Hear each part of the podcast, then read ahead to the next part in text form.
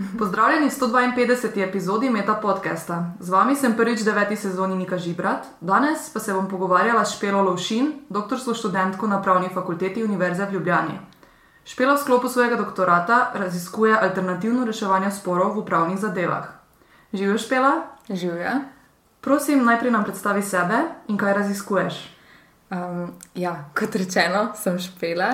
Uh, sem doktorska študentka četrtega letnika uh, na Pravni fakulteti Univerze v Ljubljani. Uh, tukaj sem tudi diplomirala in magistrirala. Um, raziskujem pa, uh, kot rečeno, temo alternativnega reševanja sporov v upravnih zadevah uh, s posebnim podarkom na Republiki Sloveniji, kako imamo to urejeno, oziroma kako bi bilo lahko to urejeno. Nam znaš na poljudnem, praktičnem, realnem primeru razložiti, kako tvoje področje izgleda, kakšni so problemi, eh, kak je potem vložek tvojega raziskovanja. Um, ja, zdaj moja tema se nanaša na področje upravnega prava. To področje pravnim lajkom, mogoče ni tako znano, oziroma zanimivo kot da imamo kazensko pravo. Ampak eh, se tukaj vedno spomnim na misel mojega profesorja, ko smo imeli prvo uro v četrtem letniku z področja pravnega prava. Je rekel, da je upravno pravo v bistvu prva stvar, ki nam pride nasprot, ko se rodimo, ko pridemo na svet. Ker, um, Ko se rodimo, se upišemo v matično knjigo, zdaj nam je rojstni list in to je že pravzaprav upravno pravo.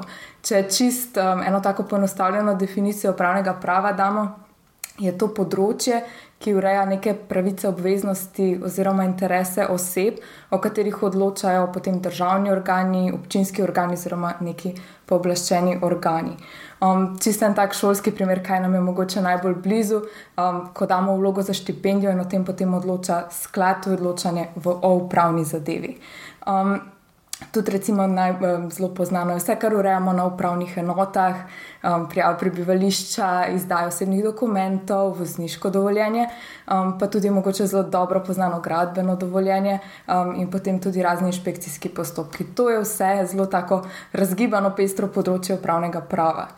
Um, moja tema se potem bolj ožje osredotoča na področje upravnega procesnega prava, torej obravnava sam postopek um, od trenutka, ko je denimo vložena vloga pri organu in potem v ta postopek do njegove končne odločitve. Zdaj, V praksi so lajkom najbolj, najbolj blizu postopki pred kazanskim in uh, civilnim sodiščem. Zdaj vemo, da to torej sta sodna postopka. V civilnem postopku recimo se odloča o škodninah, raznih motenjih posesti, um, kršitvah pogodbe in tako naprej. Torej gre za nek postopek pred sodiščem. V kazanskem postopku, ko je vložen nek obtožni akt strani državnega tožilca, v civilnem postopku pa, ko da tožnik neko tožbo na sodišče. Kar je pa specifika pri upravnem procesnem pravu, je, da je nekako razdeljen na dve fazi. Prva faza je upravni postopek, ki poteka pred samim organom. Torej, tisti primer, ko damo mi vlogo in potem nek organ, da nima upravna enota, javni sklad, izvede ta upravni postopek, katerega rezultat je potem na koncu, ali bo našo vlogo odobril ali zavrnil. In potem, če mi s to odločbo nismo zadovoljni, imamo potem drugo fazo, lahko to odločbo izpodbijamo v upravnem sporu pred Upravnim sodiščem Republike Slovenije. Um, tam torej tožbo usmerimo zoper izdano odločbo v upravnem postopku, tožimo pa organ, ki je to odločbo na koncu tudi izdal. Moja tema se torej glasi alternativno reševanje sporov v pravnih zadevah. Če se zdaj še malo ustavimo pri tem pojmu, alternativno reševanje sporov gre pravzaprav za nekakšen krovni pojem, ki zajema vse mehanizme reševanja sporov, ki so alternativa postopku pred sodiščem. Mhm. Torej, kako se mi lahko izognemo temu, da bi naš spor prenesli v sodno pristojnost, da bi sodišče odločilo o tem. Ali imamo kakšne druge poti, ali imamo kakšen način, da bi se stranki, ki ste si med seboj v sporu, nekako sporazumeli oziroma poiskali drugačno rešitev, da bi zgladili ta nesoglasje oziroma da bi druga z drugo popustili, um, namesto da bi potem se to prinesli na sodišče, ker vemo, da je to zvezano z nekimi dolgotrajnimi postopki, pogosto in tudi uh, s precej visokimi stroški. Zdaj, alternativno reševanje sporov se je zelo dobro uveljavilo v Sloveniji v civilnih zadevah, uh, v obliki poravnave in medijacije. Tam uh, imamo tudi prav sodišču pridruženo medijacijo. No, pa tudi na nek način v kazenskih zadevah imamo ta pogajanja o priznanju krivde med obdolžencem in državnim tožilcem, ko se dogovorite, da bo obdolženec zdaj priznal, da je storil določena kazniva dejanja, ki ga bremenijo v obtožnem aktu, za neko kazensko sankcijo, ki mu jo državni tožilec ponudi. In ko se to zmenita, nesete to pred sodnika, sodnik priznanje preveri, na koncu potrdi in izreče to kazensko sankcijo, za katero sta se ona dva sporazumela. Torej, na teh dveh področjih imamo neke mehanizme uveljavljene, v upravnih zadevah pa tega, vsaj trenutno, še ni. Mm, kako pa recimo alternativno reševanje sporov v upravnih zadevah napreduje v Sloveniji v primerjavi s tujino? Ali tukaj zaostajamo? Do določene mere bi lahko rekla, da ja. To področje se je začelo bolj intenzivno raziskovati v evropskem pravnem prostoru šele v zadnjih letih in je bilo izdanih veliko publikacij na to temo. Tako bom rekla, ene države so še vedno zelo, zelo zadržane, med njimi je tudi Slovenija, nekatere so pa že sprejele pomembne korake k spodbujanju tega alternativnega reševanja sporov. Kar je specifika, zakaj tukaj se še držimo nazaj je to, da pravzaprav, ko se odloča o upravni zadevi, nimamo nasproti dveh zasebnih interesov, ki sta v konfliktu. Če vzamemo čist primer neke odškodninke pri civilu, tam imamo na eni strani oškodovanca, ki ima interes, da dobi neko odškodnino, da si povrne nastale stroške zaradi škodnega dogodka, da doseže neko zadoščenje. Na drugi strani imamo pa povzročitelja škode, katerega interes je primarno, seveda, da uh, se ugotovi, da ni odgovoren za nastalo škodo, potem pa seveda da bi plačal čim manjši znesek. In tukaj oba dva lahko nekako popustita, če se usedeta za mizo in dogovorita. Um, zdaj pa, če to prenesemo v upravni postopek, ker sem rekla, da imamo na eni strani posameznika, ki uveljavlja neko svojo pravico oziroma se odloča o neki njegovi obveznosti imamo tukaj samo njegov interes, na drugi strani odloča organ. Um, če vzamemo mogoče primer postopka odločanja o, o štipendiji, ko damo vlogo, seveda mi, vlagatelji, imamo zdaj interes, da to štipendijo dobimo v določenem znesku. Um, Ko organ prejme to vlogo, pa je vezan na javni razpis, na pogoje javnega razpisa, um, pregleda ali izpolnjujemo pogoje, kolikšno število točk smo dosegli in ali smo upravičeni organ nima nekako nekega prostega polja, da bi zdaj lahko rekel, ok, se ne dosegaš tega števila točk, ampak ti bom dal, da je vse tako zmed. Tega organ ne more storiti. To pa zaradi tega, ker uh, zastopa v upravnem postopku javni interes in ne zasebnega. Javni interes mu določa zakonodajalec, zato je precej omejen um, in tukaj se potem pojavljajo pomisleki, do kakšne mere je sploh mogoče uvesti, da nimamo neka pogajanja, medijacijo v reševanju sporov. Zakonodajalec je v tem primeru, oziroma skoraj vedno Republika Slovenija. Zakonodajalec je vedno državni zbor, potem pa se lahko na podlagi sprejetih zakonov sprejmejo tudi razni podzakonski predpisi, ki pa jih izda, da nima vlada, eh, kakšno ministrstvo, um, pa tudi potem občine na občinski ravni lahko same regulirajo določene stvari, ki so prenesene v. Podrobno v alternativno reševanje upravnih sporov, kje misliš, da bo tvoje raziskovanje tekom doktorskega študija pripomoglo, oziroma na kak način si želiš, da bi bilo implementirano? Sama si želim, da bi se um, mehanizmi alternativnega reševanja sporov uvedli zlasti v postopke, kjer ima organ neko prosto polje presoje, ko odloča o neki upravni zadevi. Želim si, da bi se mehanizmi alternativnega reševanja sporov upeljali zlasti na področja, kjer organ lahko odloča v nekih mejah proste presoje. Um, to izgleda tako v praksi, da zakonodajalec že v samem zakonu organu reče, da lahko sprejme ta ukrep, da lahko odloči na ta in na ta način. Torej, da da organu neko možnost izbire, da ni organ strogo vezan. Prej smo imeli primer za štipendije, um, kjer samo praktično dela kljukce in če dobiš vse kljukce, dobiš štipendijo. Ampak je organu nekako zakonodajalec da neko na rekovajih rečeno, zaupanje, um, da bo v vsakem konkretnem primeru, ki so preveč raznoliki, lahko presodil, ali zdaj zadevi za ugoditi ali za zavrniti. Um, ko ima organ torej neka prosta pooblastila, da nekaj lahko stori, je pa prepuščeno njemu, da bo ocenil konkretni zadevi. Zdi se mi, da na teh področjih bi lahko upeljali mehanizme poravnave. Um, da bi se torej lahko pristojna uradna oseba organa in potem tista zainteresirana stranka usedli, um, predebatirali, kaj je strankin interes in bi organ na tej podlagi sprejel primeren ukrep. Uh, enako mogoče velja za inšpekcijske postopke, um, kjer bi lahko, da nimo oseba ponudila um, nek določen, da bo storila nekaj, ne vem, recimo, da um, je sporno za organ.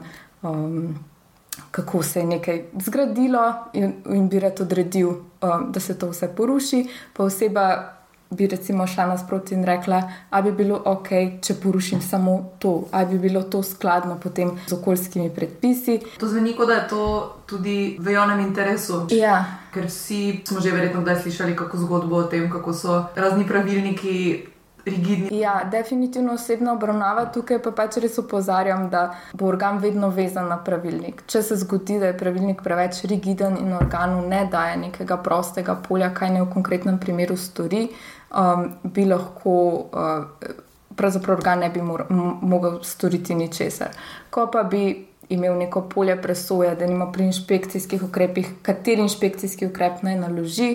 Um, Tukaj se mi zdi, da je nek prostor za pogovor, da se, stranki, se, pravi, da se stranka in inšpektor med seboj dogovorita, um, kaj bi bilo najustrezneje, um, da stranka stori.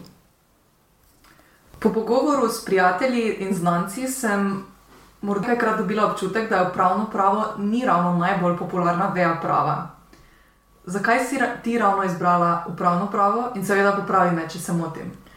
Um, ja, se ne motiš, uh, se mi zdi, da, da ni tak poudarek, da se premalo poudarka da no, že tekom študija na samo upravno pravo in da se študenti ne zavedajo pomena, dokler dejansko ne pridejo v prakso. Potem, ker, kot sem rekla, s tem področjem se soočaš povsod. Um, predvsem kolegi, ki so recimo šli v gospodarsko pravo v odvetniških vodah, vidijo, koliko je tam tega imaš konkurenco, imaš bančništvo, um, imaš varstvo osebnih podatkov, področje, s katerim se zdaj vsi na veliko ukvarjajo. Um, to je enih stvari, ki jih moraš obvladati, in se mi zdaj šele potem, ko pridejo v prakso, vidijo, je mogoče pa na faksu nismo temu dovolj pozornosti posvetili. Um, se pa strinjam, ja, da, da je neka taka fama uh, se izoblikovala okoli tega področja. Uh, upam, da. Upam, da uh, bomo uspeli kdaj to odstraniti. Sama sem se pa pravzaprav odločila za to področje, ker uh, pravzaprav zaradi moje mentorice. Um, moja mentorica me je navdušila nad tem področjem in sicer me je še tekom študija na prvi stopni pritegnila v en projekt um, z področja upravnega prava. Uh, in tam, ko sem to raziskovala, sem videla, kako upeto je v naše življenje. Um, sem ugotovila, da me zelo zanima in ravno te specifike med upravnim postopkom in upravnim sporom, ta dvofaznost, um, varovanje javnega interesa, se mi zdi res taka specifika upravnega spora, ki me uh, pritegnila uh, k podrobnejšemu raziskovanju. In tako kot je že bilo večkrat povedano, da je izbira mentorja bolj pomembna kot izbira teme. To si tukaj tudi lepo zapakirala. Ja, ja res je. Um, če se dobro razumeš z mentorjem, um, se mi zdi, da uh, bolj stečejo stvari. No, tako bom rekla.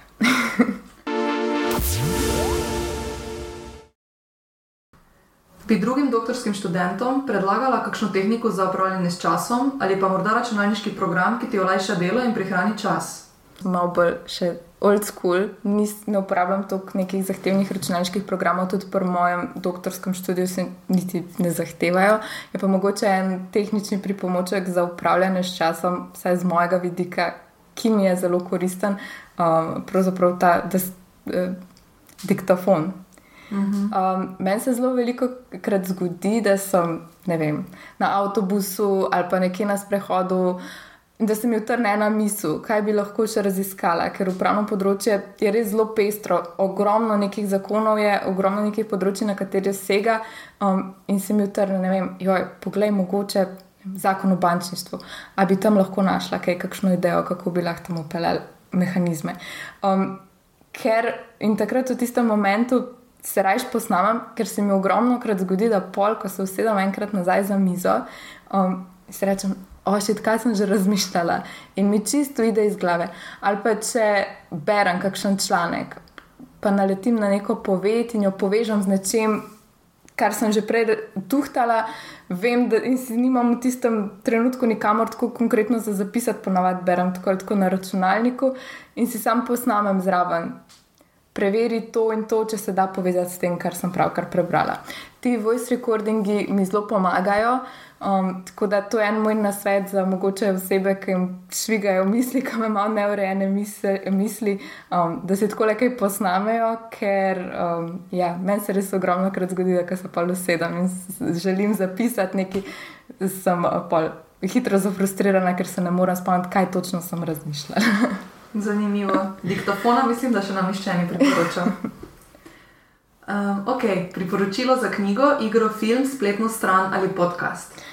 Um, ja, priporočala bi par uh, subredditov na platformi, spletni strani Reddit, um, na kateri preživim določeno količino časa, sploh zato, ker se mi zdi, da so tako zelo prijazne skupnosti se oblikovale in uh, res za ogromno stvari najdeš zelo koristne informacije, oziroma lahko um, razpravljaš z uporabniki.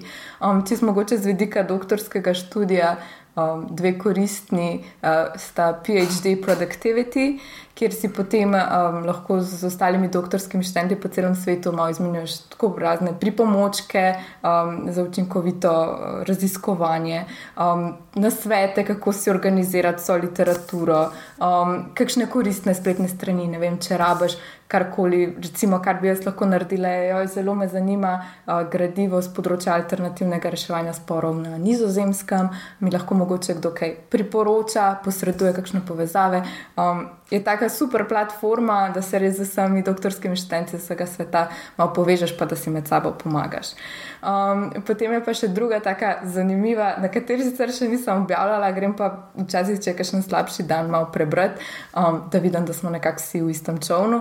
Uh, PhD Stress, um, kjer pa potem. Um, do kakšen pojamra, zopr, vem, da mu že voda teče v grlo, da um, se ne razume dobro z mentorjem, takšne in drugačne pomisleke, ki jih ima in dvome uh, tekom doktorskega študija in nekako potem res tako prijazna skupnost, se vsi se odzovejo, tako spodbudijo, dajo kakšen nasvet.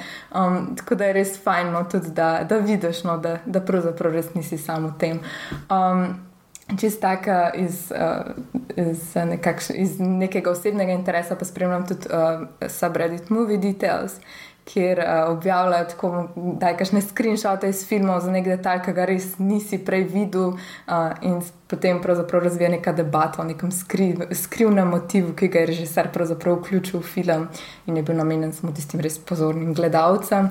Uh, tako da si potem ti še enkrat pozoren, ko ponovno gledaš. Um, Pa tudi Suggest Me a Book uh, je tako zanimiv subreddit. Um, ne vem, če si kdaj bral, da te je kakšna knjiga res pritegnila, pa iščeš v podobnem stilu ali pa avtorja v podobnem stilu. In je tako ali tako, tako veliko uporabnikov na njem, da prej se najde nekdo, ki ti bo znal svetovati. Tako da to so mogoče moja priporočila. No. Um, koga od nam znanih ali neznanih bi povabil na večerjo, če ne bi bilo nobenih omejitev? Um, Povabila bi Harukija Murakamija, gre za japonskega avtorja, meni najljubšega osebno. Um, njegove knjige so res, mi predstavljam pobeg več iz drug sveta, ni veliko avtorjev, ki je to vsaj pri meni doseglo.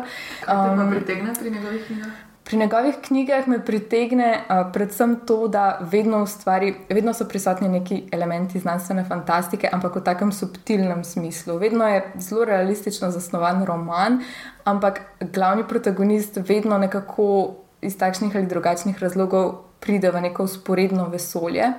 Um, in kar je tudi namen um, njegovih romanov, oziroma kako se vedno pri njemu potem na koncu zgodbe razvija, da s tem, ko pride v to usporedno vesolje, doživi nekakšen preporod in šele, da to skozi lahko spet pride nazaj v svet in obrne nekako nov list. Je pa vedno takšen ali drugačen uh, preobrat. Um, Meni men so res zelo všeč njegove knjige pa tudi on kot pisatelj. Vem, sem brala enkrat en intervju z njim, tudi pristop, ki ga ima k pisanju. Um, zelo je discipliniran, ostane ob 4 zjutraj, piše 6 ur, poje in potem gre teče 10, preteče 10 km, vsak dan ima to rutino um, in tudi tekom tega. Teka nekako potem črpa iz okolice motive, um, sicer pa sam zase pravi, da vedno piše srka ideje iz njegove podzavesti, da nikoli ne pripisuje, da se nikoli ne usede in se odloči, da bo nekemu prizoru pripisal določen pomen, ampak tisto, kar mu v tistem trenutku nekako podzavest uh, prikliče, potem vključi v roman. Tako da se nekako naravno razvija tudi skozi ta njegov tek in odklop v naravi. Um, tudi sam potem pravi, da on pravzaprav ne sanja, ker medtem ko piše, um, pravzaprav že vse kar bi lahko odsanjal, da mm -hmm. zlije na papir. Kam bi ga peljala na večerjo? Ojoj. ne vem, če bi bil sploh zdaj, ker mi iz intervjuja dajo ti, da je tako zelo zadržana oseba. Tako da, če bi privolil, bi šla kamorkoli bi želel on. um, imaš kakšne predloge za izboljšanje oziroma posodobitev doktorskega študija, kako bi ga aktualizirali s sedanjostjo? Moj predlog je, vsaj z vidika študenta prava. Um, več mednarodnega povezovanja in udejstvovanja. Um, če povežem to z aktualnimi razmerami, jaz sem začela, se pravi, pred tremi leti sem bila prvi letnik in od takrat je bila potem vsa ta pandemija. Um, se nekako vse kar, je kar zamrlo, če pa je že online. In online je zelo, zelo težko vzpostaviti neke dolgotrajne stike s kakšnimi kolegi iz tujine. Povsem drugače, če greš na neko konferenco v tujino, pa si tam cel teden, pa se mhm. zvečer ali čez dan kaj podružiš, spoznaš. Um, in potem ohraniš stike, ker če se samo priklopiš na računalnik, pa malo sodeluješ v debati, potem pa izklopiš in greš naprej. In, z življenjem ne pridobiš teh um, stikov, ki so včasih bili en plus mednarodnega udejstvovanja tekom doktorskega študija. Um, zdaj se mi sicer zdi, da se to izboljšuje, da se ponovno vrača v normalne tirnice.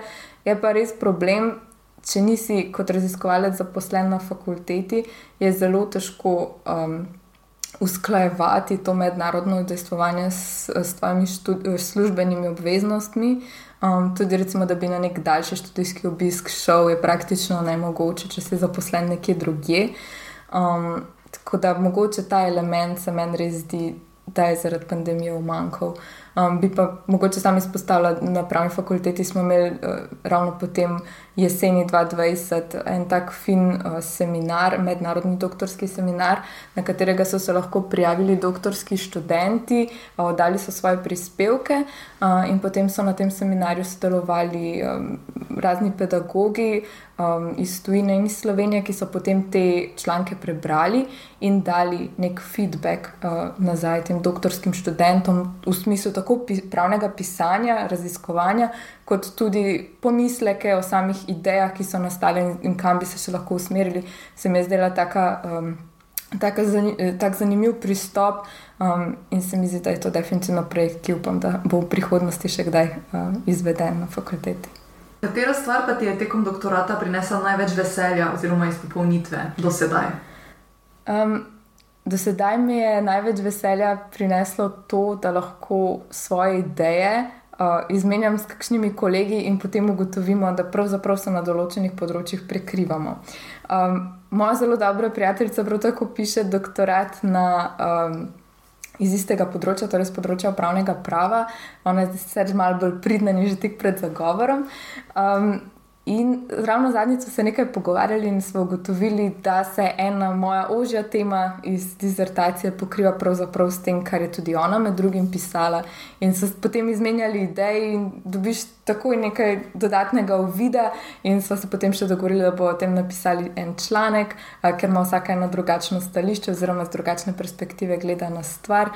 Um, in to se mi zdi vsaj trenutno, da se lahko z nekom povežeš, ki o enakih stvarih razmišlja, um, s tem, da imaš en, eno drugo perspektivo, um, zelo, zelo fajn. Bi rekla, da je, oziroma pravnikov, ki delajo na področju pravnega prava, podobne stvari, kot jih delaš ti, veliko? Ne. Um, splošno se mi zdi, da se ljudje bolj usmerijo v civilno oziroma gospodarsko pravo, vsaj kar gledam svoje kolege iz letnika, da nas je zelo malo ostalo na področju pravnega prava. Kakšen je tvoj način za spopadanje s stresom in morebitno negotovostjo, ki pride med doktoratom? Ja, um, zdaj mogoče pri doktorskem študiju na področju prava je ena specifika ta, da traja zelo dolgo, preden prideš do nečesa upremljivega v, v fazi celotnega študija ker moraš za to, da res lahko neko idejo oziroma rešitev oblikuješ, res ogromno prebrati. Ogromno ugotavljati tudi tuje literature, tujih zakonov, tuje sodne prakse. Čez ogromno, ogromno gradiva se moraš prebiti, preden si sploh lahko dobro zasnuješ določeno poglavje v dizertaciji. In kar je meni mogoče res tista največji stres oziroma negotovost, ker ne lahko berem cel dan neko monografijo in potem si na vse dan rečem, pa se nisem več naredila.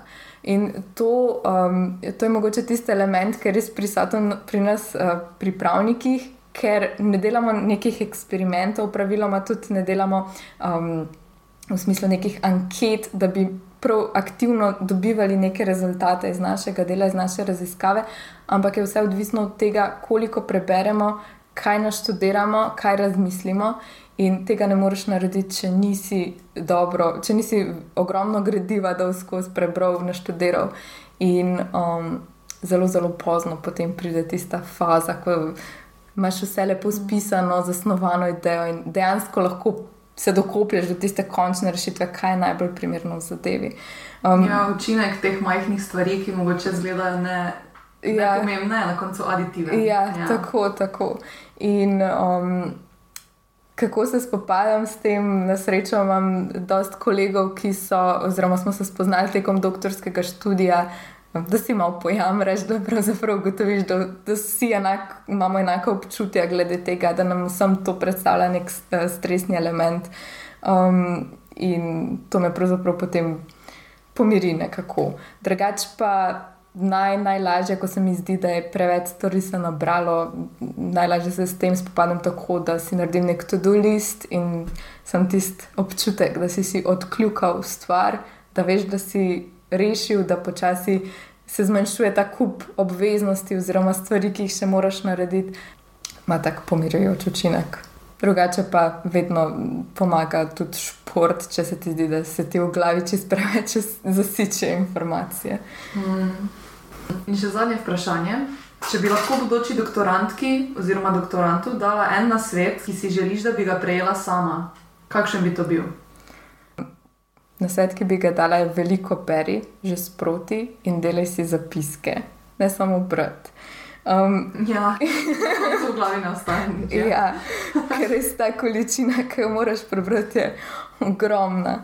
In, in pa mogoče še en tak nasvet, ker me je zadeva jih zafrustrirala prejšnji teden. Če naletiš na spletu na kakšen članek, si ga takoj shran, ker ga ne boš več našel, če ga boš naslednji dan iskal. Um, to je mogoče en nasvet, da si pač lepo malo urediš mapce.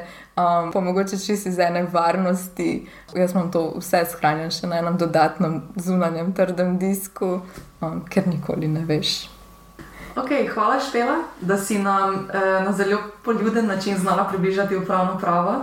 Eh, hvala za zanimiv pogovor in eh, veliko sreče pri dokončanju doktorata. Hvala.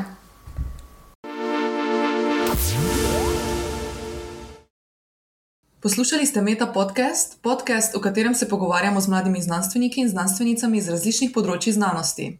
Podcast domuje na spletišču metina.lista.si, kjer lahko najdete tudi druge poučne vsebine. Naše delo lahko podprete z donacijami Metini listi, pohvale, pripombe in predloge lahko posredujete na e-mail znanost.afnametina.si.